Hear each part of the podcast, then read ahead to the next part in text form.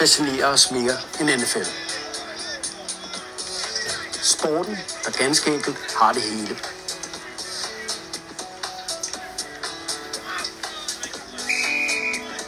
Et spejlbillede af selve den amerikanske sjæl.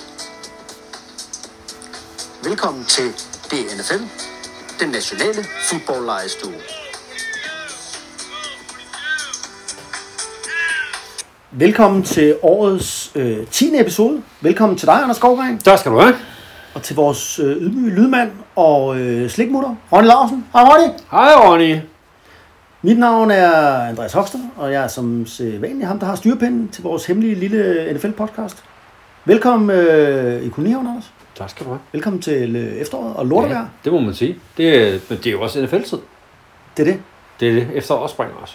Jo, og, Og vi det er det gode ved de dårlige årstider, så er der sådan noget lækkert noget som NFL, der holder dårlige og dårlige år. Der er ikke noget dårligt vejr, kun dårlig påklædning. Altså, hvad er det På for den tid i Tyskland, du har lært det der med. Der, ja, er det i Tyskland, man siger? ja, det tror jeg, det er. Altså, jeg ved bare, Skal vi tale øh, det tyske valg nu? Jeg tror ikke, vi skal blande Tyskland ind i den her podcast. Jeg synes, det starter helt skævt. Altså, ikke noget mod Tyskland, men øh, jeg tænker ikke, det er den vej, vi skal, Anders. Okay, tilbage på sporet. Men jeg vil sige, at øh, altså, ligesom i NFL, man kan nok høre det, hvis man lytter. Prøv lige at være helt stille, Anders.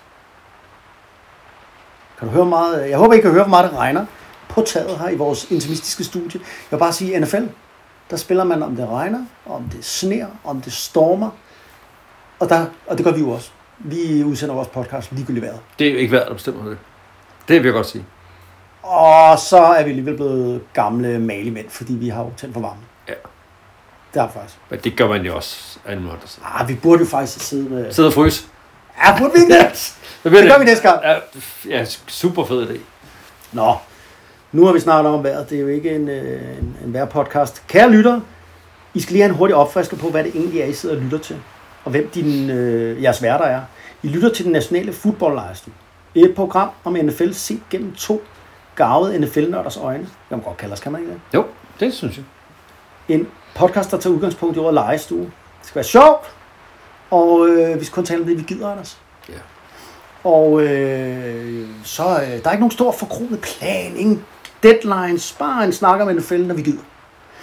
Og øh, så håber vi selvfølgelig, at der er nogen, der gider at lytte på det. Vi vil være frie, Anders. Vi skal ikke, øh, der er ikke nogen, der skal bestemme, hvornår vi gør det her.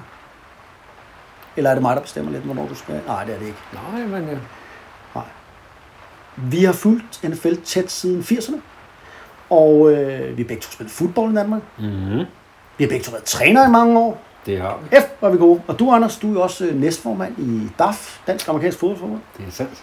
Så vi har jo, øh, vi vil jo, jeg vil mene, at vi faktisk øh, har øh, lidt at øse af erfaring. Ja, erfaring har vi i hvert fald. Det var sådan lidt om os, Ja, og lidt om podcasten. Og så, øh, ja, du er Så- Raiders-mand, det er jeg. er Packers-mand. Det kan være, at det spejler sig igennem nogle gange, når vi snakker om. Det må vi se. Det var en præsentation af os, og ved du hvad, skal vi ikke springe over i dagens lækre menukort? Jo, Hvad skal vi høre? Vi skal høre om øh, Jets Talk. Du skal snakke om quarterbacks Ja, snakker om igennem. quarterbacks. Ja. Den fantastiske liste af store quarterbacks, der er i Jets. Ja, som Ken O'Brien og øh, Vinny Testaverde og hvad der ellers er. Boomer det, Esiason og Chad Pennington. Og... det skal du underholde med. Og i den her Jets Talk, der nævner jeg også lidt om Joe Namath, som jo Faktisk er en god mand. Ja, lige præcis. Så skal vi høre om Troy Aikman. Ham trak vi i bogen. Øh, slog vi op i den store bog sidste år. Eller Ja. sidste gang. Sidste år, ja. ja. sidste år, der er så længe siden. Sidste gang, der slog vi ham op i den store bog. Ja, og det er igen dig, der har øh, teten der. Ja. Du er quarterback. Øh, Whisperen her, var jeg at sige. Ja, dig og Adam Gaze. I, øh, og, Okay, Ja, det, det er jeg ked af. Nå, og så skal vi øh, ja, slutte af med et lidt øh, mere øh, barsk emne måske. Det der med øh, smerte og frygt. Altså NFL og hele taget amerikansk fodbolds øh, brutalitet. Det nævner vi ikke så tit.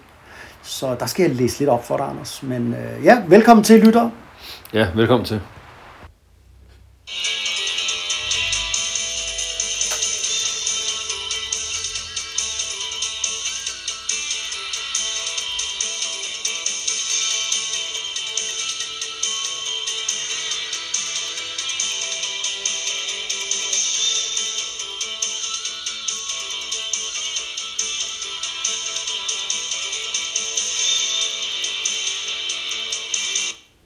Ved du, hvad det var, Anders? Øh, det var et kopiband af Dire Straits. Nej, nu må du. Kan du ikke genkende det? Det kan du ikke. Det er en intro for en eller anden tv-serie. Du er tæt på. Det der, ikke? Det er introen til TV2's NFL-sendinger i 1989. Det er sgu da det, det var. Det der. Ja, ja. Ja, ja. Nå, den kunne du ikke lige... Øh... Nej, det kunne jeg godt ikke huske. Nej, men øh, Hvor i det var... alverden har du fundet den? Jamen, jeg måtte da hjem og sætte ind af min øh, gamle kamp. Jeg har jo optaget dem fra 1989. Jeg har dem jo. Ja, ja. Men hvordan finder du ud af, hvad lyden er? Men øh, jeg optog det bare på min telefon fra fjernsynet. Du kan ikke finde det der lydklip. Nå, steder. jeg troede, du havde fundet det der som Nej, en... nej, øh, nej, nej. Du så kan det, ikke- det, det, er altså et VHS-bånd, du har sat i afspillet på dit fjernsyn. Ja, og så har jeg optaget er vel det. også sådan en billedrørsfjernsyn, for at du kan få det der Nej. ud. Og så har du optaget det med din telefon foran fjernsyn. Det lydklip der kan du fandme ikke finde på Det er altså ihærdigt, det der. Ja, og der er mange derude, der tænker, Nå, hvad fanden. Men det er rigtigt. TV2 sendte jo øh, NFL i 1989. Det gjorde det. Deres første år, hvor de skulle lancere deres tv-kanal. Men ikke ringer end Erik Vier, som... Øh, Erik Vier. Jeg synes bare lige, at vi skulle have lidt nostalgi ind. Ikke? han er redaktør på øh, et eller andet P1-program, et eller andet nyhedsprogram på P1 nu. Snakker om fodbold. Mm, nej, det der eftermiddags øh, orientering, tror jeg, det hedder, hvor de sådan Nå. har Så verdensnyheder. han findes endnu. Ja, Jeg kan vide, hvor den fanden han endte med det der NFL der, men øh, det gjorde han altså. Ja, han må være ham, der kom til at glemme at sætte sig ned, da de skulle finde en, der skulle gøre det. Eller noget. Ja. Men øh, det var jo startskud til vores... Øh, ja. Ja, det var præsentationen af fodbold her. Nok om det. Nu fik vi lige den øh, lille forkælelse der, en lille øh, snas og noget god lyd for 89. Nu skal vi lige snakke om siden sidst, hvad der skete i NFL. Vi var jo på, øh, hvad, er det efterhånden, 14 dage siden, siden, 10 dage siden, jeg kan ikke huske det. Ja. Det var efter U1. Ja, Nu er der blevet spillet flere fodboldkampe. nu er vi efter uge 3. Må jeg høre? Hvad har du noget vis der? Du, hvad, hvad har du? Ja, men først har jeg lidt, lidt til, øh, jeg lige vil sige, det er lige før man øh, bliver sådan sølvpapir sat og går i konspiration. Vi fik jo en ny øh, field goal rekord. Ja, Og øh, Det- fortæl lige om den. Hvis der ikke er alle, der ved det. Ravens, Lions, Ja, Bummelum, øh, defensiv øh, fodbold i Detroit. Øh, Detroit fører 17-16. Ravens driver bolden, sætter deres øh, superkicker ind. Justin Tucker. Ja. til at sparke et 66 yards field goal, Mm. og den sætter han. Ja. Og så vinder de 19-17. Sætter, sætter.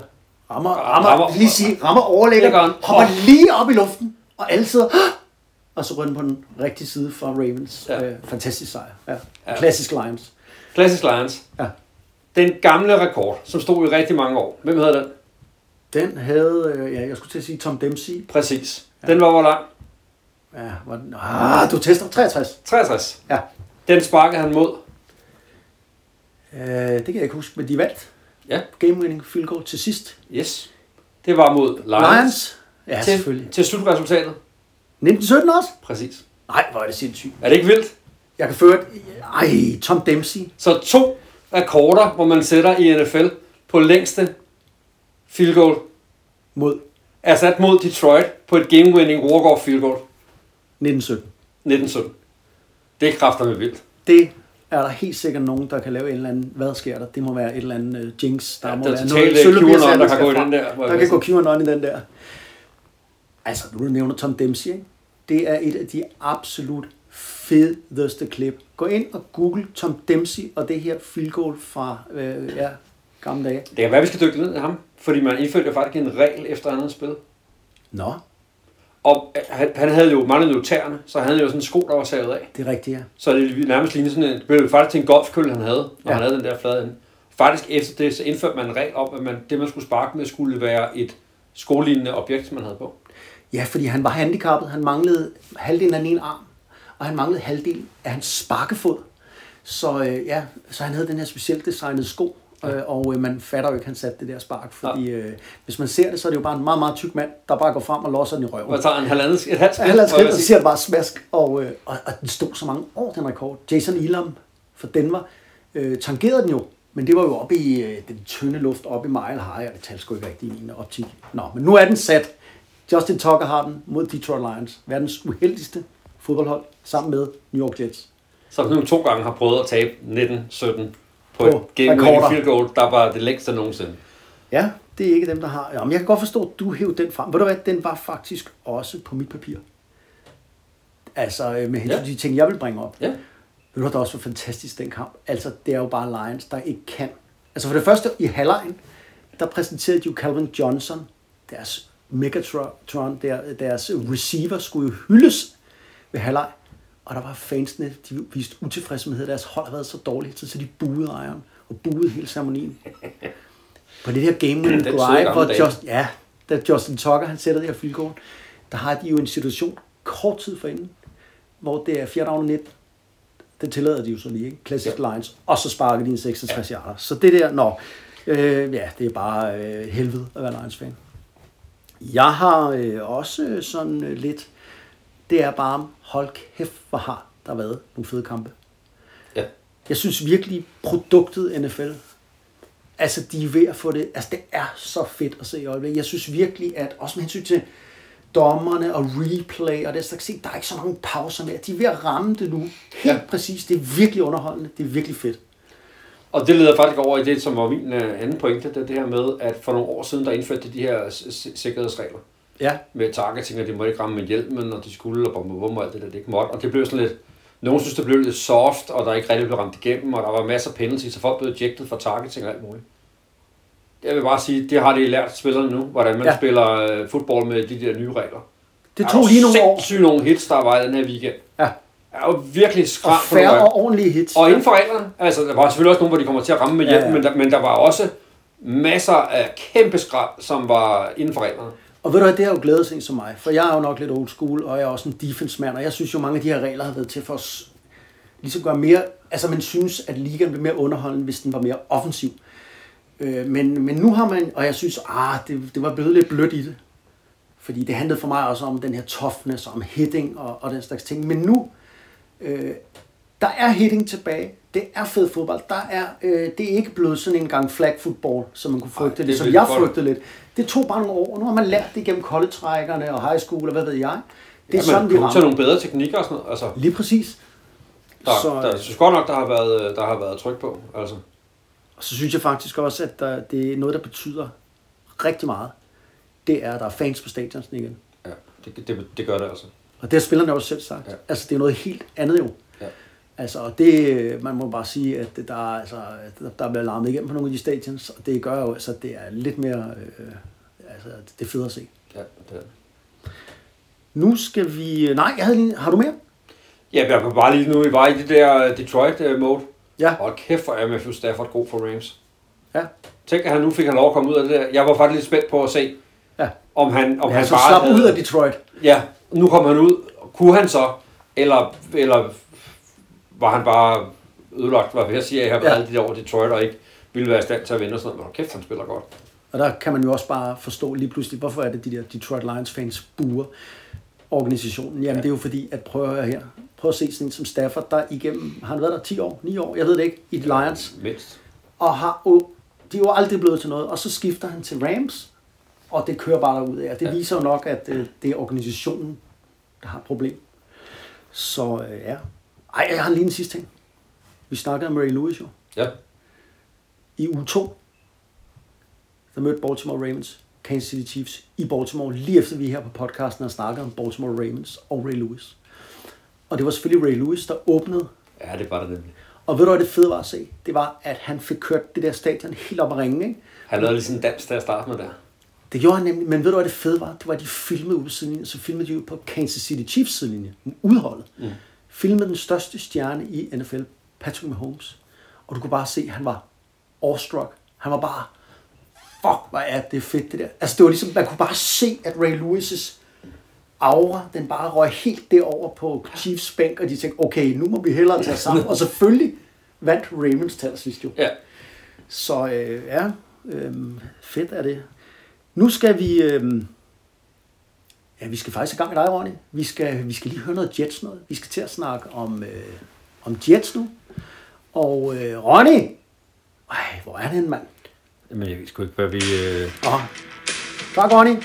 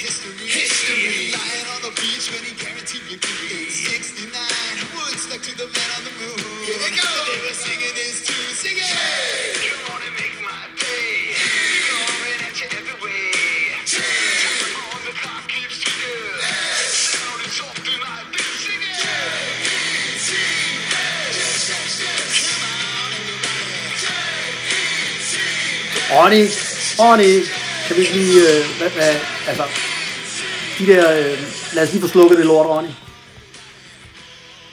Altså, hvad fanden sker der? De der amatøragtige øh, klubsange.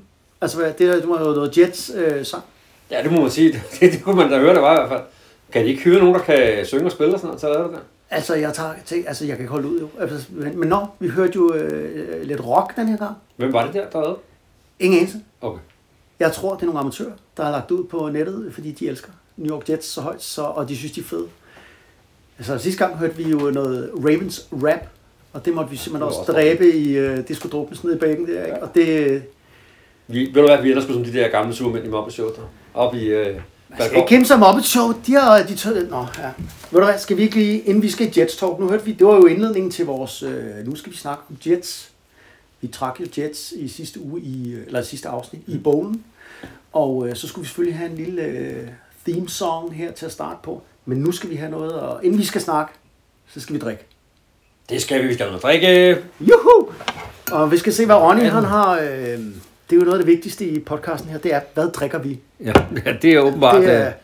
Og du, du har stadig ikke fået menu eller en anden øh, mappekøbmanden til at sponsorere ved, øh, vores Der øh, er få ikke noget nogen, der, øh, det er Ronny og Ronny alene for hans egen øh, penge. Nå, okay. Og så, øh, ja, hvad siger du? Der er en Jolly Cola, der er en Coca-Cola uden sukker, så er der en Jamen, jeg tager det Jolly. Cola. Det, øh, Og så er der jo sådan en, øh, en, en, en lille øl her, Kronenburg men det er sådan noget, 1664. du ikke til sådan noget dameøl, det der. Er det dameøl? Er det ikke det? Min kone kan jeg godt lide det i hvert fald. Nå, jamen ved du hvad, jeg tager godt, Nej, øh, den smager fint. Den smager jeg tager godt ryge på en dameøl. Den smager godt. Der er ikke, der er ikke så meget kommet. Diversiteten. Der er ikke noget, der hedder mand og dameøl mere. det er øl for os undskyld. alle. Undskyld. undskyld. Jeg kan sgu aldrig lokke dig ved på det alkohol der. Du vil jo selv have ølene. Jo, men vi kan jo dele jo. Jeg skal også køre bil og alt bagefter. Har du jeg lagt mærke til noget helt andet? Der er ikke chokofant i dag. Nej, det er faktisk lidt skuffet. Og øh, nu, det bliver bare mellem dig og mig. Der er ikke andre, der behøver at høre det. Men Ronny siger faktisk, at han synes ikke, du har godt af mere chokofant. Nå, Hvad siger du til det?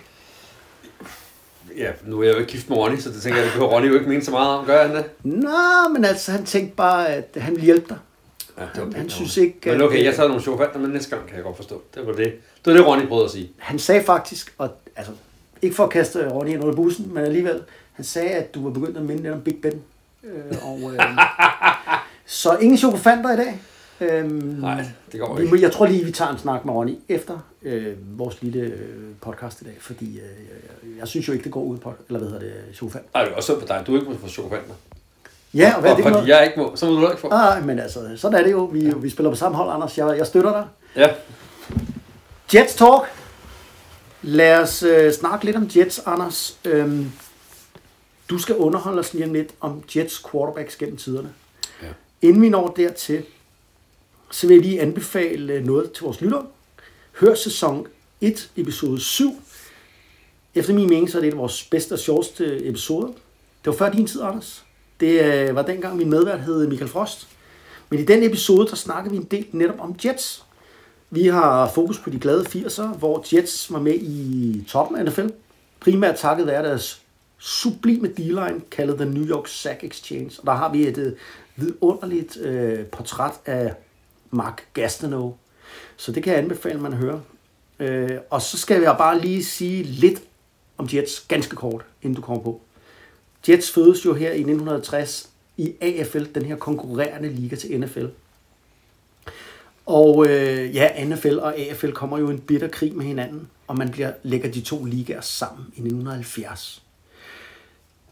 Jets regnes, Anders, nok for at være den udulige lillebror i New York. Ikke? Altså det er Giants, der er den store, dygtige storebror, med en fantastisk historie og alle de mange trofæer og sådan noget. Jets har vundet Super Bowl en gang, Og øh, det var helt tilbage i 1969 med Joe Namath ved roret. Yes. Det hører vi om senere, men nu øh, vil jeg give dig øh, stafetten. Jets, quarterbacks. Ja, men du har næsten luftet lidt om det for at sige, at Jets er jo ikke nogen speciel øh, succesrig NFL-klub.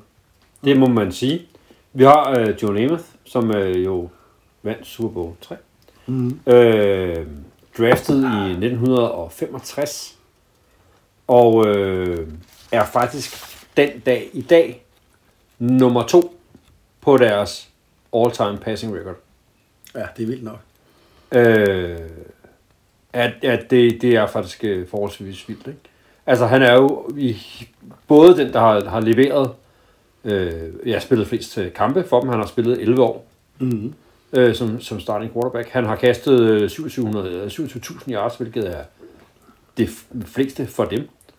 Øh, Og hvilket jo ikke er særlig meget i NFL's øh, sådan, historie, for mange andre hold har jo folk, der er og mange. Tom Brady er lige ved at hente øh, ja, Drew rekorden, Brees. Drew Brees, ikke? Jo. Øh, han mangler været 63, ikke? og det er nogle af 71.000. eller sådan Nej, nej. Det er lige om lidt 81.000. Vi er oppe over 80.000. Det er det, jeg mener. Så, Ja. så 27.000. Ja. Var, jo, øh, var jo flot dengang. Ja. Men at det stadigvæk øh, ligger der. Øhm, Ja, så et franchise, der er, har været øh, dårligt i mange år. Fordi Ja. det spejler jo quarterback. Ja, og jeg, har faktisk, og jeg har faktisk prøvet lidt at kigge på de der quarterbacks, og øh, altså, der, der er jo Joe Namath, som vi, øh, som vi alle sammen kender, var jeg ved at sige. Ja. Øh, efter ham, så draftede man Richard Todd, Ja. øh, og han blev draftet i øh, 76 til at tage over. Og øh, han blev draftet nummer 6 over, og han er deres øh, tredje mest øh, spændende quarterback i Jets historie. Ja, fordi der er noget med det at start 80'erne, hvor de er lidt op og alle gode. Der er han der faktisk. Og han bliver, han bliver draftet ret tidligt. Han bliver draftet som nummer 6 over. Ja. Så prøv at kigge på, hvem der ellers er i den der quarterback draft. Kunne de have taget en lige efter, der var bedre? Nej, der er ikke nogen, der har været snakket om. Nå, Okay. Altså, det er virkelig et Så de gjorde, hvad de kunne. Ja, det, der, er i hvert fald ikke, det var ikke fordi, at ham, der blev draftet lige bagefter, var, var meget bedre. Og det er faktisk lidt et mønster, når nu man kigger på øh, Nå. de quarterbacks, de selv har draftet.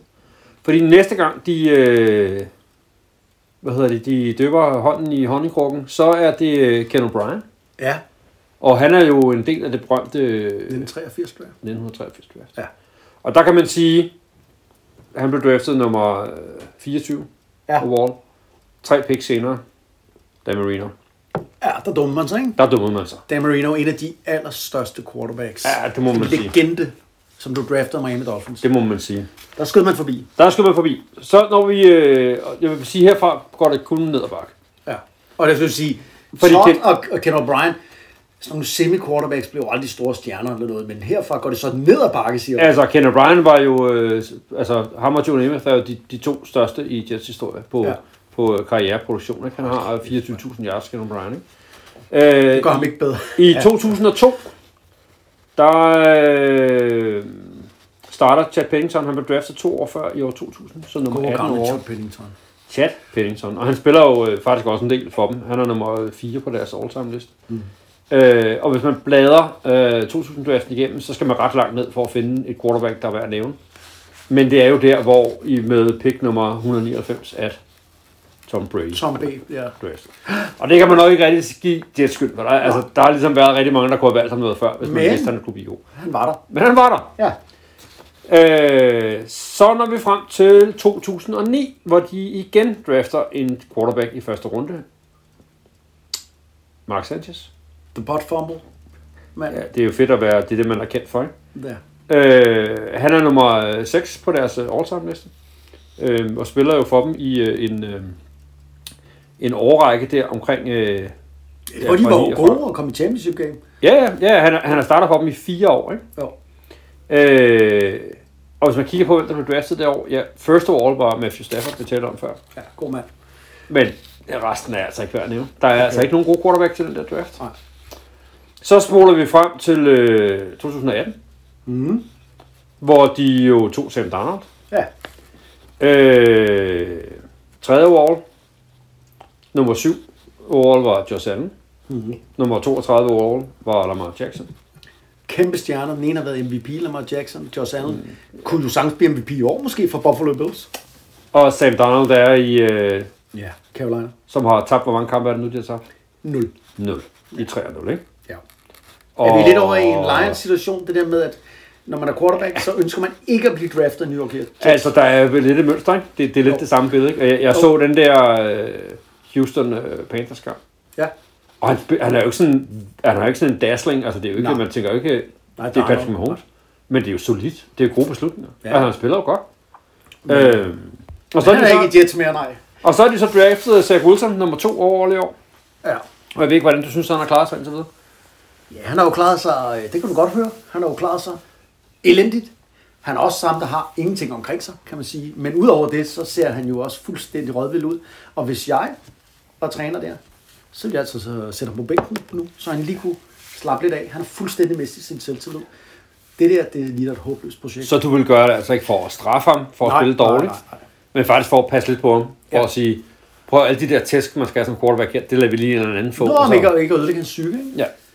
Ja. Så, øh, men altså, det er, jo, det er jo håbløst, når man ser på en, en, altså igennem tiden med Jets der. Altså, Ken O'Brien var deres næstbedste quarterback. Ken O'Brien, jeg tænker ikke, at mange af vores lytter kender Ken O'Brien. Mark Sanchez, ja, han fik, som jeg sagde, øh, deres, de var jo quarterback, de var i championship game to gange, men det var jo ikke på grund af ham. Det var jo på grund af godt defense og, og holdet omkring ham. Det var jo, han var jo et eller andet sted bare sådan en clipboard øh, mand. Altså, Og så er det jo faktisk sådan, at Jets jo er vores, din og min, første NFL-kamp på stadion. det er rigtigt, ja. Der var de også dårlige. Der var de også dårlige. Vi var i New York i 1995. 1995, Meadowlands. 1. oktober. Var det, nå, ja, du har styr på det. Ja, jeg har lige tjekket på, hvor det var. Det er klart. Og vi sad der, og vi skulle øh, se spændende fodbold, og så fik Jets pryl. Bøllebank. Hvem fanden havde de som quarterback dengang? Boomer Esiasen. Det er rigtigt! Boomer Esiasen! Efter han havde været hos Bengals og var blevet fyret der og var en gammel mand, så havde Jets samlet ham op, og så skulle han øh, redde. De tabte øh, 47-10. Det er rigtigt, de fik mega pryl. Og øh, det sjove er jo bare, igen, Jets, Boomer Esiasen, skide god quarterback i Cincinnati Bengals, bliver solgt til Jets, og så kan man ingenting. Ja. Er det, øh, var det det, du underholde med? Ja, det tænker jeg, det var lidt om øh, Fordi vi skal jo tale... quarterback-historien for Jets. Ja, Ikke et mundt kapitel, det må man bare sige. Nej, det er det ikke, men vi skal jo... Øh, så vil jeg godt lige tage stafetten over med Joe Namath. Fordi Ja. det var jo. Der var noget at fortælle om. Og øh, det er jo lang tid siden. Men du vil jo stadig ikke, øh, når Jets spiller på hjemmebane, se øh, Joe Namath trøje. Fordi de... Øh, 1969, de 11 år for øvrigt, han spillede for dem. Han er jo en legende.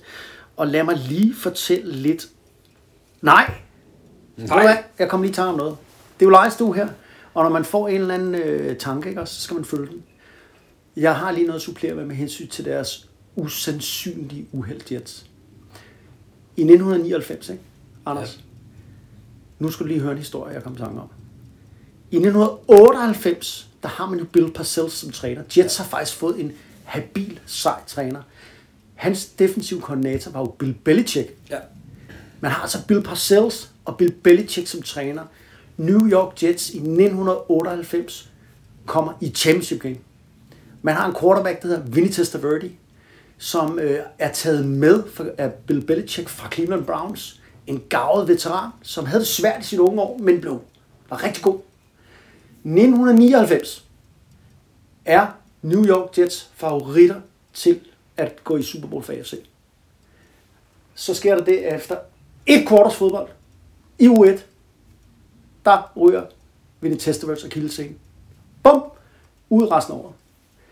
Det betyder, nu kommer der sådan en lavine i gang. Det viser bare Jets uheld. Ren uh, Lions igen. Man har en reserve, der hedder Rick Meyer.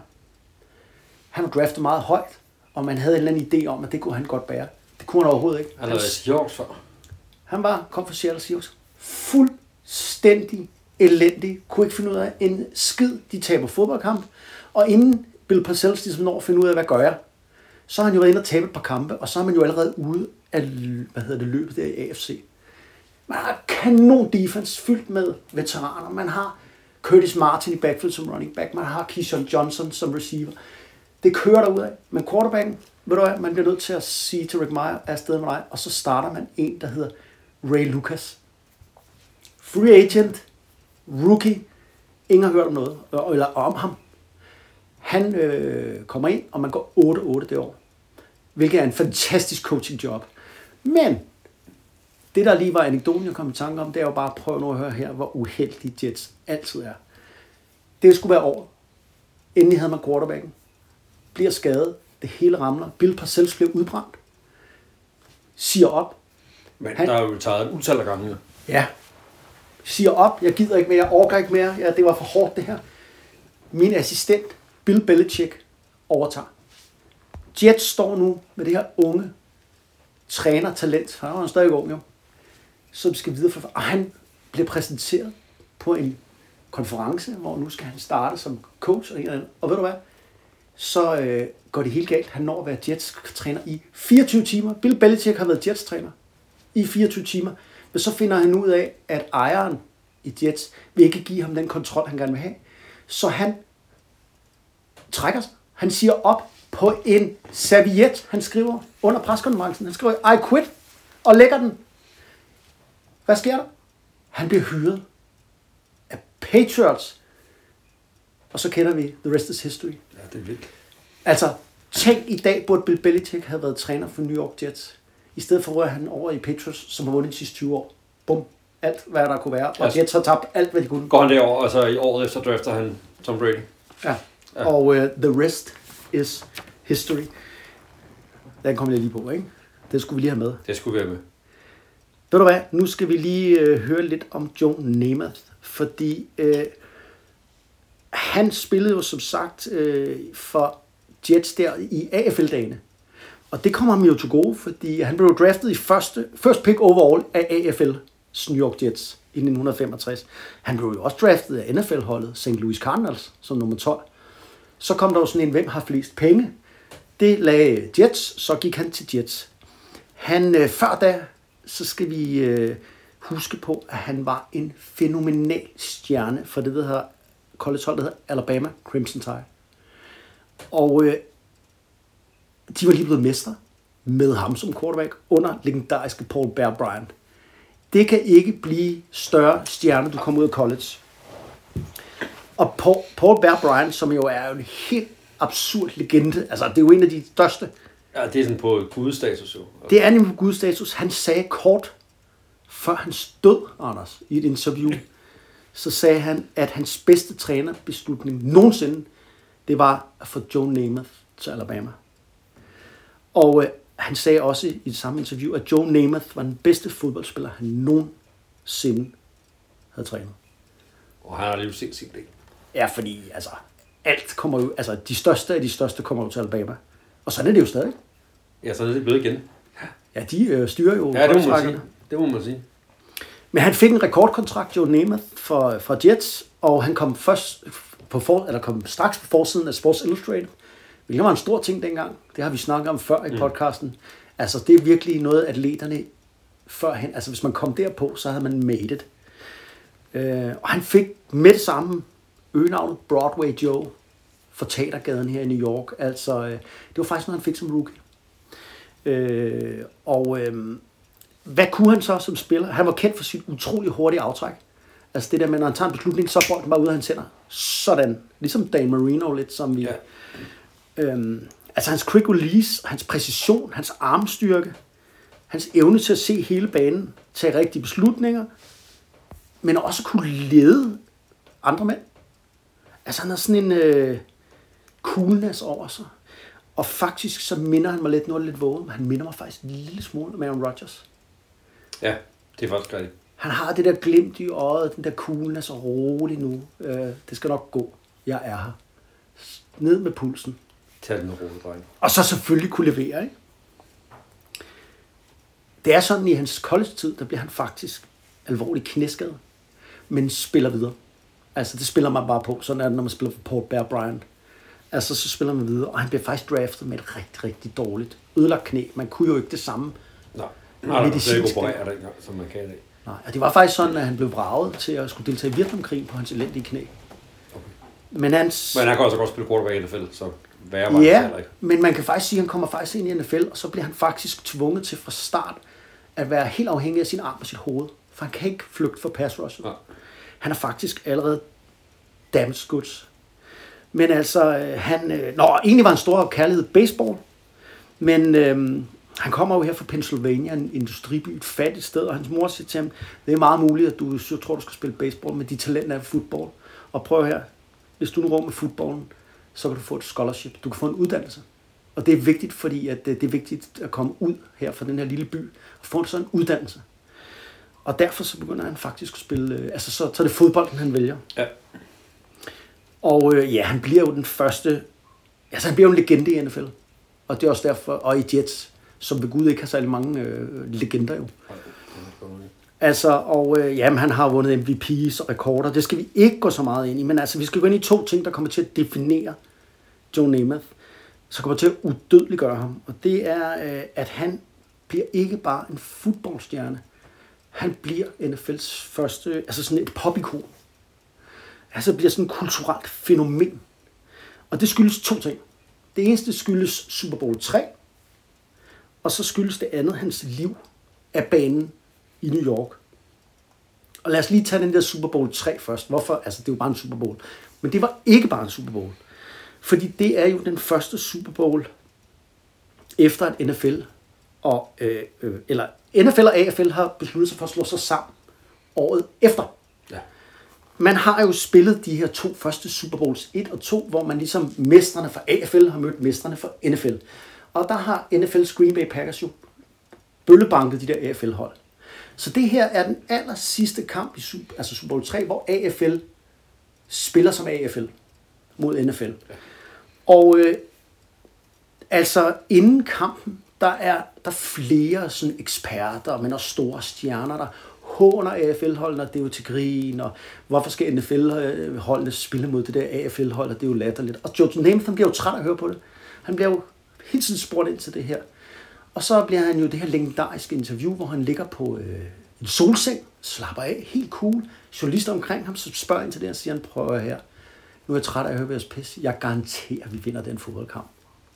Slutpunktum. Sæt det i avisen, hvis I vil. Det kan vi bare på det. Det er sådan jo, at øh, Baltimore Colts, de er kendt for deres monsterforsvar. De er 18 point, Anders. 18 point favorit mod Jets. Den største favorit nogensinde. Det er altså... Altså 18 point er virkelig meget i NFL. Så et eller andet sted, da Joe Namath, han garanterer den her sejr, så griner folk bare og siger, okay, den her cocky loudmouth nede fra Alabama, altså er han helt på månen, eller hvad? Vi ved jo godt, hvad det ender med. Hvad ender det med, Anders? Det er Jets vinder. Det er Det ender nemlig med en faktisk ret overbevisende Jets-sejr. Og øh, det ender øh, også sådan, at øh, Joe Namath løber banen med fingeren pegende op mod himlen som MVP. Og øh, prøv her, det havde jo en kæmpe stor betydning det her. Fordi at, øh, nu kommer jeg grine af længere. Lige om lidt, så skulle øh, det hedde NFL sammen. AFL var blevet absorberet af NFL, og NFL havde bare grinet af det her. Og den sidste kamp i AFL's historie er den her kamp, hvor de bare tæver Coles. Coles blev jo kaldt det her the greatest team ever på det her tidspunkt. Og øh, nå, hvad så, når man taber til et AFL-hold? Sammen så the greatest team ever. Det fede er, at John Namath efter kampen bliver spurgt lidt ind til, hvad så altså det her forsvar, som er kendt som det her legendariske benhårde forsvar, er det egentlig det bedste, du nogensinde har mødt? Og siger, nej, det bedste forsvar, jeg nogensinde har mødt, det er Buffalo Bills forsvar. Det her, det var jo en kæmpe ramme. Buffalo Bills, ikke? var det absolut dårligste hold i AFL det år. Men da de spillede mod Jets det år, der interceptede de John Namath flere gange og spillede en super god kamp, øh, Bills. Så øh, der blev Baltimore Colts lige, øh, de fik lige et spark i løgnet af John Namath. Det blev lige svinet til sidst også. Ja, the greatest team ever for NFL. Nå, men han så også for at bruge alt Jets held i alt gennem resten af historien. Det gjorde han. Det var det. Siden da, så har vi ikke han- hørt en skid til Jets. Og, øh, Han og brændte alle tændstikkerne, der er ikke mere at komme efter. han blev legendarisk med det her. Og, øh, og øh, alle kan jo huske det her stadigvæk, altså der er oppe i alderen, men også det er blevet gengivet mange gange i amerikansk tv. Det er det ene, der gør Joe Namath til en legende. Og så er der jo det andet, det er jo den her øh, Broadway Joe-identitet, han har. Det her pop-ikon, han udvikler sig til. Fordi han, husk på det her, det er jo de vilde 60'er, Anders. Altså det er jo her, hvor øh, de vildeste, det er nok det vildeste og det vigtigste generationsopgør, måske nogensinde. Altså i hvert fald i nyere tid. Flower power, stoffer, mærkeligt tøj, protester mod Vietnamkrigen, frigørelse for 50'ernes konformitet. Øh, altså et vildt årti jo. Og der er Ja, de det... der kendte lidt billeder af ham i de der, øh, hvad hedder sådan noget, øh, store frakker. Sådan nogle, øh, Pels, han går i pels, Pels, pels på ja. sidelinjen. Det er pels, der hedder, altså han har pelsfrakke på. Når defense er på banen, så tager han sin pels ud over sit udstyr. Det er fandme, det var sgu tider, du. Dengang en mand havde pels på på sidelinjen. Og ved du hvad, Joe øh, Namath, ikke? Han, han, øh, han passede bare rigtig godt i den her tid. Ultimativ ungkald. Han var charmerende, glimt i øjet, kvik, skøn smil, sådan cool øh, i sin tøjstil også med pelsen der. Lidt James Bond-agtig. Så han har bare den der øh, kvalitet, og, ej, og han, altså, så er det sådan, at han bliver, han bliver jo faktisk en, en, en kæmpe celebrity. Han kommer de rigtige steder der på Manhattan. Han køber en klub. Altså selvfølgelig, hvor alle de, både mafiaen kommer, men alle mulige kendte, så man ser ham jo med alle mulige damer. Fordi han er ungkarl jo. Og det er jo bare damer med smukke unge kvinder, men ikke sådan nogle tøjter og sådan noget. Virkelig sådan nogle high society damer. Han er bare med, og han er jo bare en, en øh, han er jo en partyboy. Men, øh, men, men med noget dybde i, ikke? Altså den her, øh, han nyder livet, som man jo bør gøre, når man er i 20'erne. Og hedder Broadway Joe. Og hedder Broadway Joe og er stjerne i New York. Hvorfor ikke? Selvfølgelig, hvis ikke han skulle, hvem skulle så? Det er faktisk sådan, at øh, han, øh, så bliver han måske lidt set som sådan lidt stereotyp, ikke? men altså han er yderst intelligent, og han er egentlig en dyb person og en privat person. Der er sådan to sider til ham. Efter karrieren, så får han selvfølgelig øh, en masse voldsomme fysiske men. Hans krop er fuldstændig nedbrudt, og det var jo fordi, han havde det her dårlige knæ. Han kunne ikke flygte for os, rush, og, og vi spillede jo en tid med hårde turfbaner, og man ramte til ekkoet af fløjten, og også efterfølgende, og altså virkelig fortæv ham her. Og det betyder faktisk, at øh, efter den her tid som quarterback, jamen så bliver han, øh, jamen så går han over og bliver familiefar. Han gør alle de rigtige ting, men samtidig så øh, for at dulme smerten i sin krop, men også for, øh, der har været et identitetstab, så bliver han, øh, begynder han at drikke for meget. Og han ender med at blive alkoholiker. Og, øh, og det, øh, det tager han så et opgør med på et tidspunkt, da det lykkes ham at smide alkoholen. Og bliver jo en øh, vært på Monday Night Football, og sådan en karakter, der er... Øh, folk vil gerne interviewe ham, han er sjov at høre på. Så sker der det, at han bliver skilt i starten af nullerne. Og øh, det er ikke ham, der vil skilles. Og det, øh, det rammer ham så hårdt, så han øh, begynder at drikke igen. Og han øh, rører tilbage og bliver alkoholiker. Og det hele slutter jo så med, at han under meget, meget pinligt bliver interviewet af Susie Kolber, kendt øh, vært øh, for amerikansk fodbold, hvor han er hammerende fuld, og han øh, laver sådan en, øh, en scene, hvor han vil kysse hende og sådan noget midt i live-tv. Og det får ham til at... Øh, altså det er simpelthen for pinligt. Altså det her, hvor han er helt nede i sølet. Det gør han til sit liv op til revision. Og siden da, der har han øh, vendt skuden, og er jo, øh, har styr på det. Han virkelig elskede sine børn, og han har også gjort det her i en alder af nogen af 60, der færdiggjorde han sin øh, college degree, for det havde han lovet sin gamle mor. Så tog han tilbage til Alabama og færdiggjorde sin uddannelse. Og øh, ved du hvad, de elsker ham i New York. Og øh, Broadway Joe, du, du ser stadig hans, du ser ikke Ken O'Brien trøjer, eller øh, Mark Sanchez trøjer, eller øh, Vinny Testaverde trøjer. Eller, eller Sam Darnold trøjer, det tror jeg ikke på. Men For ikke at ser Chad Pennington, nu er vi i gang, ja. Joey, hvad hedder han? Joe Broadway. Ja. Og øh, ved du hvad, Anders? Øh, det skal vi skole på. Vi har haft nogle tekniske problemer. Jeg ved ikke, om vi skal rykke det for... Øh, Ronny, lige pludselig så trykkede han på forkert knap, og vi var helt... Har vi optaget, har vi ikke optaget? Det, det, Vi- Ronny klipper det jo bagefter, så bliver det fint. Ja, men det er Ronny, mand. Nej, nej, nej, det ser på Godt godt. være, han synes, vi spiser for meget chokofald, men han måske skulle gøre sig lidt umage. Men han skulle koncentrere sig om sit eget arbejde. Nå, Ved du hvad, den her øl, ikke? jo. Den er faktisk lidt tøset. Der er faktisk noget øh, citron, øh, eller en eller anden, øh, der er puttet i, parfumeret mm. crab. Kronen, hvad hedder den? Kronenburg 1664, den får ikke genvalg. Det var det, jeg sagde. Ronny, kig lige over. Ingen Kronenborg til næste år. Kron, Kronenborg. Kronborg. Ja, velkommen til. Nå, vi skal have trukket et nyt hold for. Er det nu? Ja, jeg tænker ikke, vi skal snakke mere om Jets. Nej, det må være nok. Jeg tror ikke, Kan vi det ikke er tage et eller andet fedt hold den her gang? Det ved jeg ikke, det er dig, der trækker jo. Vi ryster. Kan I høre det? Ja. Ja, men jo, det er, der, der bliver rystet igennem. Det må man, øh, det må man sige. Det kunne være... Øh, og jeg har sådan nogle fede fingre her, som jeg lige skal øh, have taget den her op af. Seahawks. Seattle Seahawks. Intet mindre end Seattle Seahawks. De er jo lige så gamle som mig. Født i 1976. Ja. Det bliver spændende at høre om det. Ja, det gør. Det er nemlig lidt op og ned. Det er lige i øjeblikket... Øh, pil nedad, gør det ikke? Og lige i øjeblikket gør det, det har været mange gode år, ikke? Jo, Og det bliver sjovt. det bliver spændende. Og øh, nå, så vi jo klart bowlen. Ja. Og øh, lige for at slutte øh, Jets af, øh, og Joe Namath af, så øh, er der en fantastisk god... Øh, der er lavet flere biografier selvfølgelig om Joe Namath.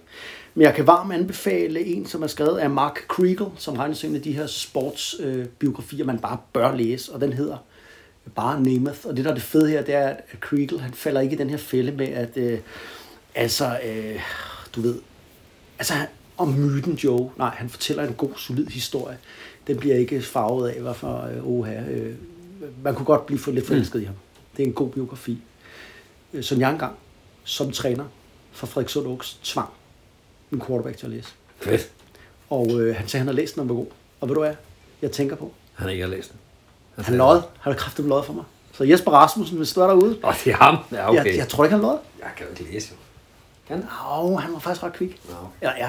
Øh, så, øh, nå. Men øh, det var bowlen, og vi skal til Seahawks næste gang. Og øh, altså, nu er det sådan, at øh, vi skal videre i dagens program, Anders. Du er på igen jo, Yes. for du stak ved at quarterback talk. Ja, men jeg bladrede den store fodboldbog. Den store encyklopædi. Og Hvad? ved du hvad, jeg tror, der er fiflet med, med, med resultatet igen. Jeg, jeg har ikke helt tillid til dig, fordi du valgte jo, Troy, eller ramt, Troy Aikman. Og øh, det er jo en af dine favoritspillere, det ved jeg. Det har det været en gang i tidens morgen. Jeg har faktisk haft en Troy Aikman jersey. Ja, det jeg har ret lidt efter, men den, jeg har ikke fået den endnu. der er gået for meget chokofant i den der. Sådan røg jeg er heller ikke passe den. helt sikker på, at jeg kan passe den mere. Nej, Om det fandt. Nå, men uh, Troy Aikman Ja. er jo uh, i dag tv-kommentator. Ja. Han er fast uh, vært på uh, torsdags aften kamp. Sammen med Joe Buck. TNF. De har været sammen i mange år. Ja. Øh, og øh, det ved jeg ikke. Hvordan synes du, han gør det?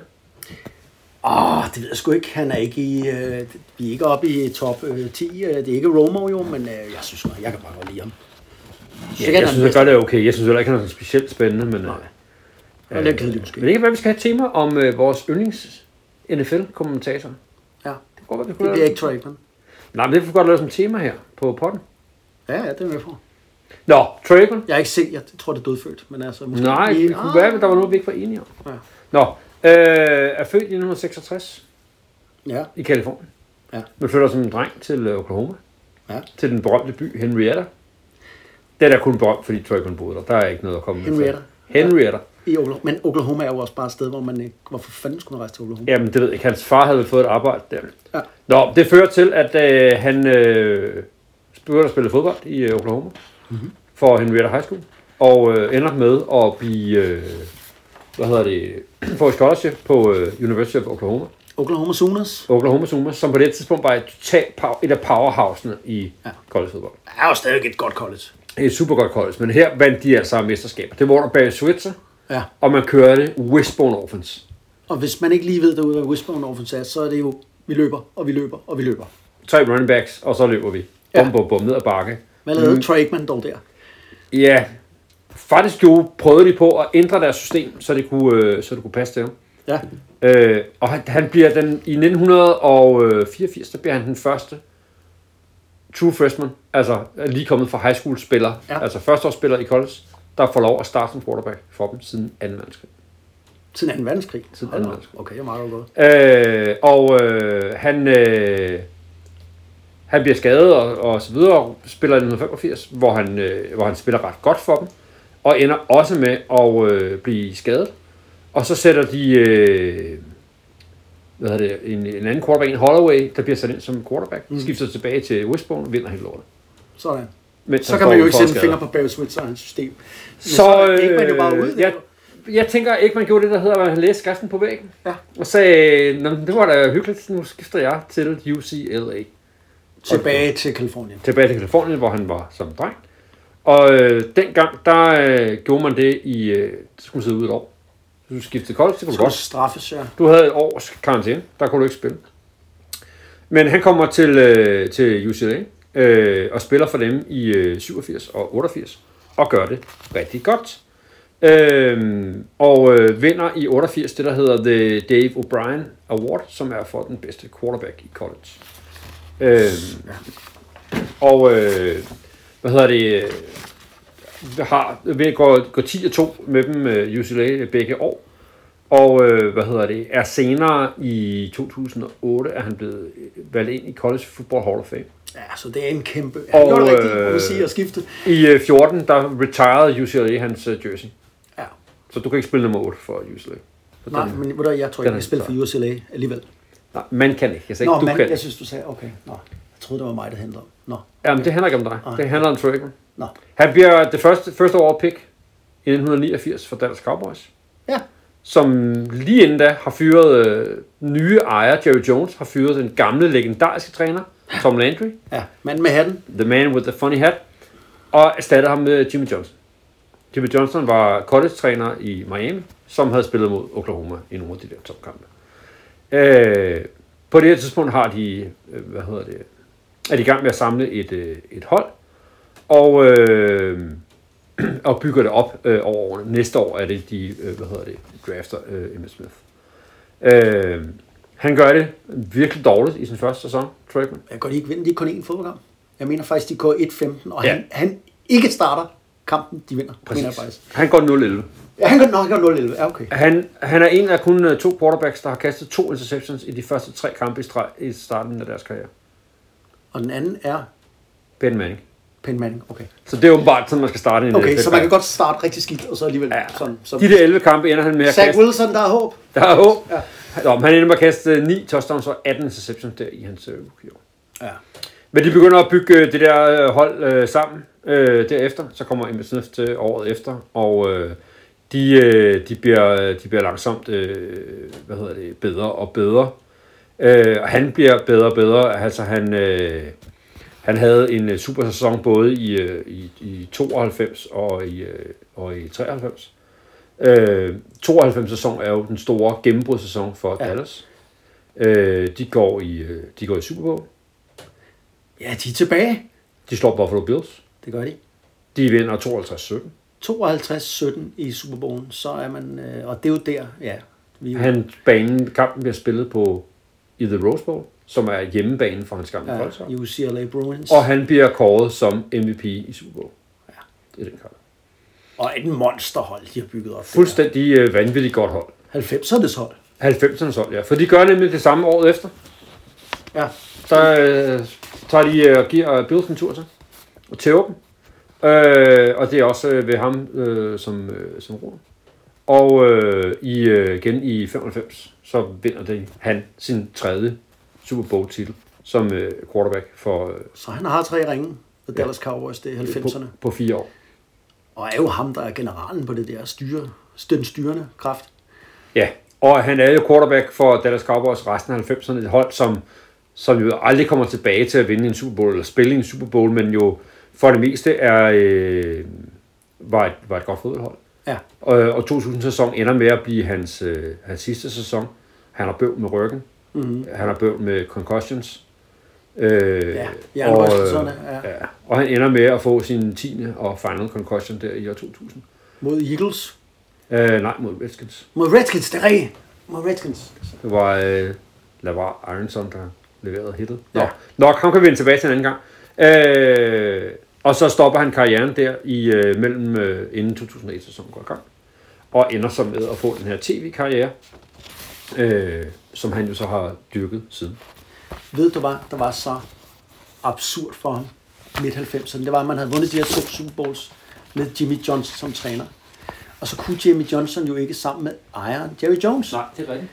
Så, øh, så han, efter at have vundet Super Bowl, sagde han jo, hej hej, jeg skrider. Så skulle man hyre en ny træner. Og så hyrede Jerry Jones skulle hjælpe med Barry Switzer. Præcis. Og der tror jeg altså ikke, man har været nede og spørge Troy Aikman først, fordi det var jo ham, der var træner der i Oklahoma Sooners, da ja. man valgte at køre Whisper. Ja. Og øh, det var, øh, altså kan du se, det var sket i dag, så er Aaron Rodgers blevet sur. Er det ikke det, der skete op i, altså det de har meget mere magt i dag. Ja, han bliver hele tiden sur. Men kan du se det, altså og så lykkedes det faktisk Barry Switzer at vinde den her Super Bowl med Troy Aikman. Men altså, Og sluge nogle kameler. Trakeman. Ja. Men han er så også siden kommet i øh, NFL Hall of Fame også. Ja. Så både College Hall of Fame, NFL Hall of Fame, og... Men ikke TV'ens Hall of Fame for hans kommentator. Nej, det synes jeg ikke. Ved du hvad? Øh, var det det? Ja, det tænker jeg.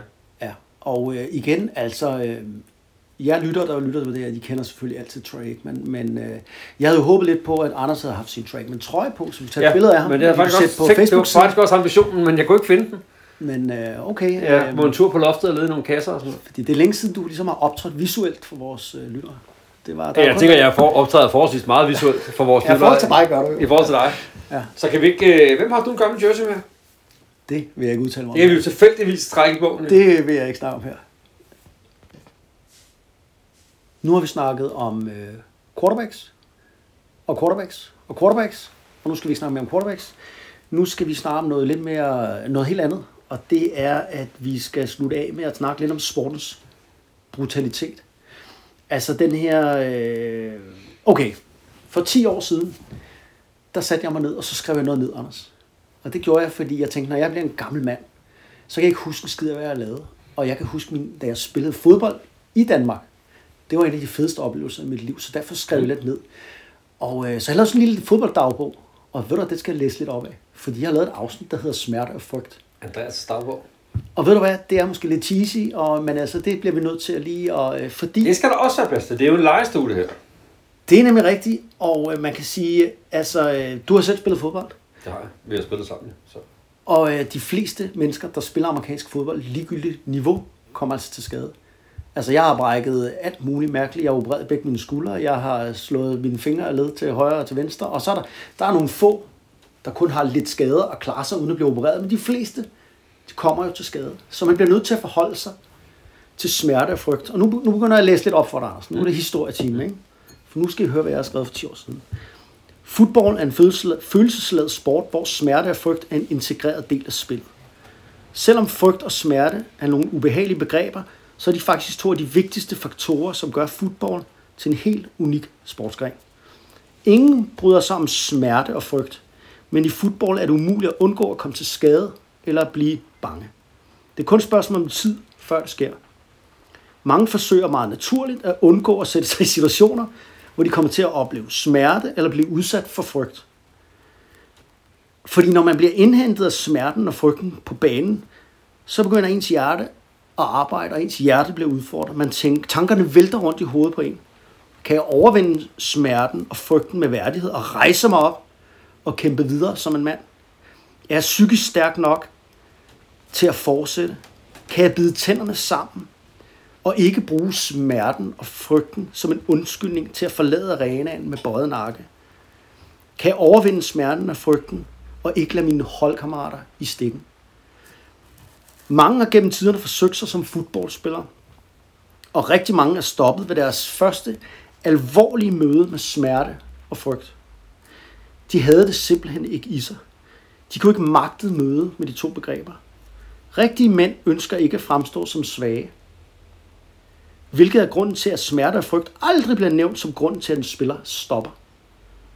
De fleste gange ved alle på et fodboldhold, at det var smerten og frygten, der fik bugt med en given spiller. Men ingen kunne finde på at sige det højt. Faktum er, at man skal være psykisk stærk for at overvinde smerten og frygten igen og igen. Det ved alle rigtige fodboldspillere. Og netop derfor danner rigtige fodboldspillere et særligt bånd til hinanden. Der er ikke forståelse for quitters, der giver op ved det første møde med smerte og frygt. Hvorimod spillere, der gentagende gange har vist sit værd ved møde med smerten og frygten, hyldes som legender. Alle fodboldspillere ved, at smerte og frygten kan ende deres karriere på hver eneste spil. Man ved aldrig, hvornår eller hvor smerten og frygten viser sit grimme ansigt, og selv for legender kan det hele slutte med et nederlag til smerten og frygten. No pain, no glory er en frase, som man ofte bruger, og den passer måske meget godt i fodbold. Der er vidderlig ingen berømmelse i NFL og i fodbold uden smerte. Det kan ikke lade sig gøre i en gladiatorsport som fodbold, hvor fansene retmæssigt burde betegnes som vidner i stedet for tilskuere. Omklædningsrummet efter en kamp har altid været det sted, som har betydet mest for mig. Win or lose. sure sokker, blodige tape, brugte isposer, lettelsens suk, smerte, glæde, skuffelse, træthed, sammenhold, skader, alvorlige tanker, græd og jubel. Omklædningsrummet er helligt. Det er her gladiatorerne slikker deres sorg efter møde med smerten og frygten. Det er her, at ord ikke betyder noget. Alle er i samme båd og har samme forståelse. Et unikt rum, rum hvor dybt sammenhold skabes. For intet er mere berusende end at overvinde smerten og frygten sammen. Det giver selvtillid og tro på egne evner. De mest respekterede fodboldspillere har mødt smerten og frygten mange gange. De har operationsar, der kan, og, og kan fortælle historier om deres brækkede lemmer. Arne er trofæer. De er bevis på, at man turde gå forrest og konfrontere frygten med smerte til følge. De mest respekterede spillere har flere gange været presset til det yderste. De har spillet mange kampe og sæsoner, trods skader og skavanker. At overvinde smerten og frygten at skidt i gang giver psykisk styrke og selvtillid. Gode fodboldspillere er formet af det. Den gode fodboldspiller hader smerten og frygten, som alle andre, men ved, den er uundgåelig, uundgåelig og kan udnytte den til egen fordel. Det øh, var mine ord, jeg havde skrevet for nogle år siden. Og, øh, og jeg synes, øh, det er noget, man glemmer lidt at forholde sig til, hvad spillerne egentlig udsætter sig selv for. Det koster fandme noget på krop og sjæl at spille den her sport. Altså, øh, har du nogle tanker omkring det, Anders? Jamen, jeg, tænk, jeg har faktisk flere gange tænkt over det der med, at jeg kan vide, hvor meget det fylder, når man øh, er i NFL. Altså, kan Ja. ja. vide, hvor meget det... Øh, hvor, hvor stor en betydning har det for de her øh, spillere? For der, er- der er ingen tvivl om, at, at i det spil, vi har oplevet herhjemme, der, der, der fylder det jo øh, meget. Altså, har du en smertetask, der gør, at du kommer, bliver ved, Mm. og øh, bliver du øh, intimideret, eller oplever du øh, frygten for, hvad der kan ske på banen, og, og hindrer det der i dit spil? Du kan blive et valid af det. Ja, det, det, men det kan man jo mange ting her i livet, hvad jeg vil sige. Noget men, mere end. Ikke, jeg tænker ikke Men- at strikke. Nej, men man kan også sige, det er jo også, et, øh, jeg har altid sagt, det er et young man's game. Altså, det er jo ikke, Nej. det er jo ikke for folk i, øh, i en voksen alder. Altså, både fordi man jo ikke har modet, og fordi man ikke har en krop, der kan tåle det. Mm. Der, jeg har tænkt over det der med, at vide, hvor meget det i virkeligheden, altså det her frygtaspekt, hvor meget fylder det for øh, NFL-spillerne. Jeg tror, at ja, man kan jo sige, at øh, grunden til, at jeg også øh, har nævner det, det er jo fordi, nu snakker du om concussions og hjernerystelser og sådan ting. Og jeg vil våge den påstand, at NFL-spillere er opdraget med, helt for de helt små, at du kan, du skal rejse dig op, ligegyldigt hvad der sker. Du spiller videre, du rejser dig op altid. Jeg vil faktisk våge at påstå, at de kan ikke sige fra. Prøv at, hvis du siger fra, fordi du har ondt eller noget, så er der bare nummer to mand, der tager dit job. Så derfor så har de ikke lært det. Det er lidt ligesom Tour de France-rytterne. De sætter sig op på cyklen, ligegyldigt om de har brækket arme og ben. Det, de har, det, er en, det handler om deres identitet. Ja. Der, så kan man sige, at man kan lave om på det ene regler og det ene og andet, for at skåne dem lidt, så det ikke bliver så voldsomt. Men det er en voldsom sport. Ja. Og hvis Ja, man ja, ser ja. skadeslisten hver uge, Ja. folk brækker jo armben. Ja. Men er det nu dårligt? Ja, selvfølgelig. Altså, nå, ja. Hvem har lyst til at brække arme og ben? Men det jeg bare prøver at sige, det er også lidt, at øh, vi kan jo godt lide vores sport. Stadigvæk. Mm. Fordi det er jo noget af det, der gør, det, altså der er noget på spil her. Altså det er lidt mere spændende at se nogle to spille Ludo, ikke? Jeg har aldrig gjort, tror jeg. Set to spil. Nej, det er fordi, dog det er smadret kedeligt. Men altså, man kan sige, at det, okay, der er noget dilemma her. Også lidt, ikke? Fordi hvis vi, jeg tror også, det er noget at gøre med, at det er en amerikansk sport, det her. The American Way. Altså det der med, at du skal... Øh, amerikansk fodbold er i USA også en form for opdragelse af unge mennesker. Det er det der med, hvor der er ikke noget sikkerhedsnet, Anders, i USA, et socialt sikkerhedsnet. Hvis du forgår, altså hvis du ikke kan klare et arbejde, eller, ved du, så forgår du. Altså det der med, at du bliver nødt til at rejse dig op, ligegyldigt hvad der sker der. Det er en krigsførende nation, det her. Det er det der Ja, med, at du skal ja. skabe din egen lykke. Det vil sige, du lærer gennem amerikansk fodbold. Jeg tror, det er derfor, den er accepteret også som noget, man sender sine unge mennesker til. Det danner en identitet om, at du kan klare alt. Ja, og ja, og du lærer jo at overvinde modstand og, og frygten og så videre. Altså det er jo, det, det, det er jo også en del af det. Det der med, at man, du ved, man skal arbejde hårdt, man skal kæmpe, man skal rejse sig trods alle odds. Modgang kan besejres, hvis du bare arbejder hårdt nok og den slags ting. Men jeg vil også bare sige, at det er med med nogle unge mennesker, som får nogle øh, altså, gevaldige øh, ar, altså fysiske ar. Der er jo masser af NFL-spillere, der i en alder af 40 og frem har været opereret, jeg ved ikke mange gange, og har problemer med at gå, og problemer med smerter, og bliver, øh, nogen bliver også alkoholikere, eller øh, afhængige af, af smertestillende. Er det bestemt ikke noget, øh, nogen rosenrød øh, fortælling, når man går, går bag om scenen? Altså? Jeg synes, det er meget sigende, at Hall of Fame øh, receiver, wide receiver Tom McDonald, har engang sagt, quit, man, I don't know, even know the word. Altså, han kender ikke til ordet, giv op. Ja. Altså, det er jo også det, der har gjort, at han er Hall of Fame. Altså, Ja. fordi han er blevet ved og ved og ved og ved med at rejse. Og der er jo mange, mange skrækhistorier, men et eller andet sted er det ikke kun skrækhistorier, det er jo også, øh, altså, Ronnie Lott kan du sikkert huske. Bestemt. Fremragende safety. Prøv at høre, en alder af nogen af 20 år. Så får han sin øh, hånd i klemme mellem to hjelme i NFL-slutspil. Og så siger lægerne til ham, prøv her, du skal opereres, du ude for resten af sæsonen. Så siger nej, det er jeg ikke. Skal jeg lortet af, så jeg kan spille næste uge. Og så skar de det yderste led af hans finger af. Ja. Så var han klar til at spille næste uge. Altså den historie sidder vi og kan i Danmark nu, mm. og det gør ham til en legende. Men prøv at tænke på, hvor sindssygt det egentlig er at skære noget af sin krop for at spille næste uge. Og der er jo masser af de historier. Øh, egentlig havde jeg tænkt, at vi skulle høre lidt flere af dem, men tiden løber for os. Jeg vil bare sige, du kan også huske Brian Leftwich. Byron Leftwich, som er øh, offensive coordinator. I Tampa Bay. Ja, for Tom Brady nu. Mm. Det er jo ikke så mange år siden, han spillede på Marshall. Og det var det Cottesol, han spillede på. Ja. Og kan du huske historien med ham og hans brækkede ben? Eller så, nej, det, ja. Jo, jo, jo, jo. Ja. Han er jo på banen og spiller quarterback. Mm. Og de har sådan et... Han står i lommen og så kaster det. Han skal have en stor, tung fyr. Og de ved godt, at han er kommet til skade. Jeg er ikke sikker på, at der er nogen, der ved, at han har brækket den på det tidspunkt, hvor det foregår. Men han kan jo ikke gå på den der fod. Så hver gang de har... Nej, han brækker benet i kampen. Ja. Og, og han så skal ned til næste sted, de skal snappe bolden. Så er der jo altså et par o gutterne der hanker op i ham. Og bærer ham derned, altså over skulderen, hvor, ligesom man tager folk fra banen, var jeg ved at sige. Og så stiller de ham der. Så kan han få næste snap, og så kan han kaste bolden en gang til. Prøv at. Jeg kan næsten mærke, at jeg får gås ud af det der. Det der, det er vanvittigt. Men det er også vanvittigt fedt. Altså prøv nu at høre her. Manden nægter at forlade banen.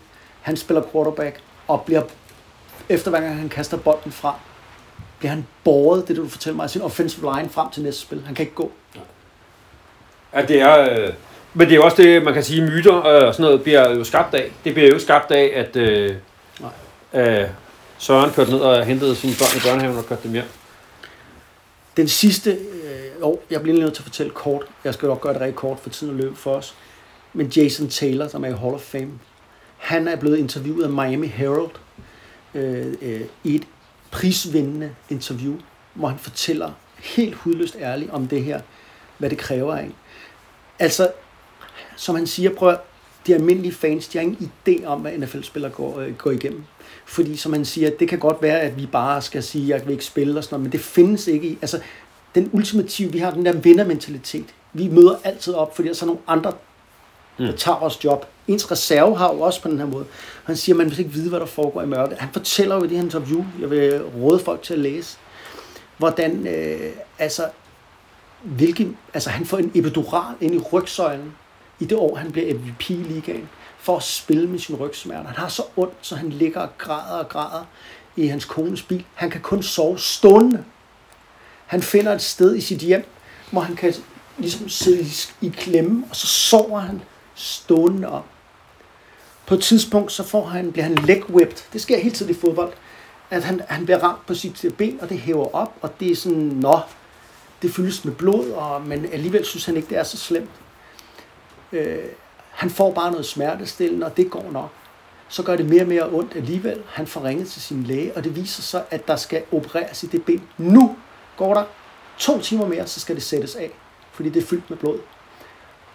Hans smertetærskel er jo så høj, fordi han har været udsat for alle de her ting.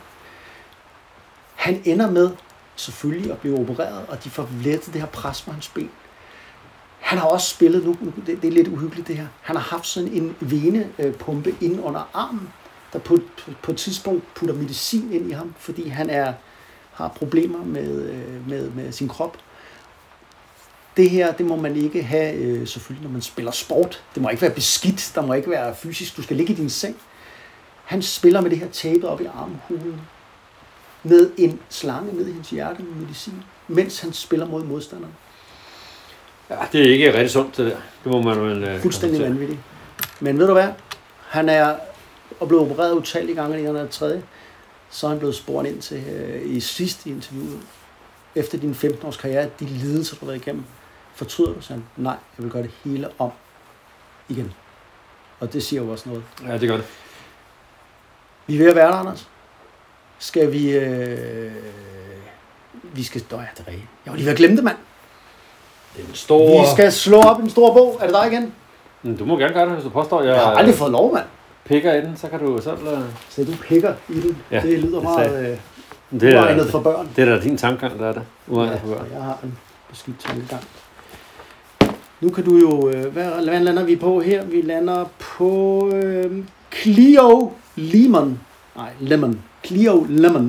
Nu skal Clio Lemon. Clio Lemon. Det kan godt være, det er dig, der skal overtage det her. Clio Lemon. Siger du noget? Øh, nej. Nej. Nej. Jeg kan fortælle, det er en quarterback. Nå.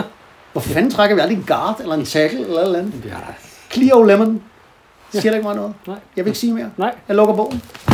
Kan du huske så, hvem det var? Ja, ja, så har vi det jo i, Nå. på podcasten, ikke Anders? Ved du hvad, vi skal jo, øh, inden vi siger farvel her, så skal vi da, vi skal lige høre noget musik, skal vi ikke det? Er da det, Ronny, vi, uh, Troy Aikman har du snakket om, Anders. Ja, det har jeg. Vidste du godt, han kunne noget andet end at spille fodbold? Han kan øh, også synge. Og nu skal vi, Ronny, er du klar? Vi skal høre Troy Aikman øh, synge noget country. Og øh, ha' det bra derude. Ja, tag det lugnt. Driving down 66, this old pickup truck and me.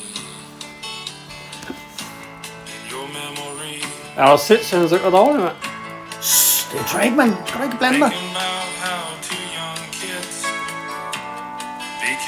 sweethearts. Jeg tænker, at Det er øh, helt ikke have... Altså, de skulle have haft Ronny på holdet. Han kunne godt have pillet lidt Ja, af det det, der. der, det var før man kunne øh, autotune og sådan noget. Det, det han så så dårligt som mig. Så kom omgås.